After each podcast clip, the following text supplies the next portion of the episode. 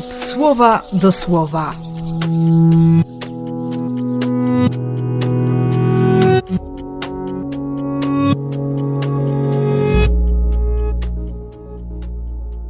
Dwudziesty drugi listopada, środa.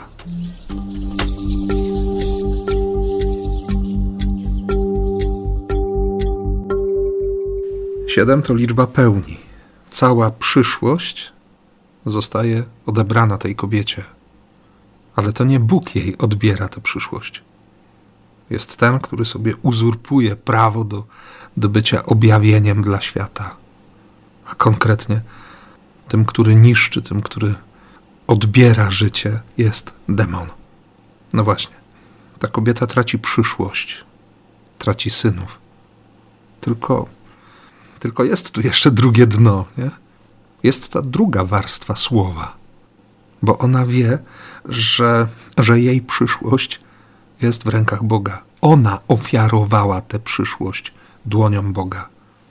To, że mamy już prześwity wiary w zmartwychwstanie, to, to jest konkret, to jest nadzieja. To jest ta odpowiedź miłości, która spodziewa się wszystkiego Bożego. Ha. W przeciwieństwie do, do jednego ze sług z dzisiejszej Ewangelii. No to już nie jest talent, nie 30 kilogramów, tylko pół kilograma. Jakieś 130 tysięcy złotych. Mieć, a nie mieć? Ale i nawet tak mały ciężar można owinąć w sudarion i trzymać na dystans. Bo może chce właśnie takiego lekkiego życia, bez konsekwencji, tak? Ale łaska jest zaproszeniem do odpowiedzialności. Więc jeśli się łudzę, jeśli udaję, to stracę to, co mi się wydaje, że mam.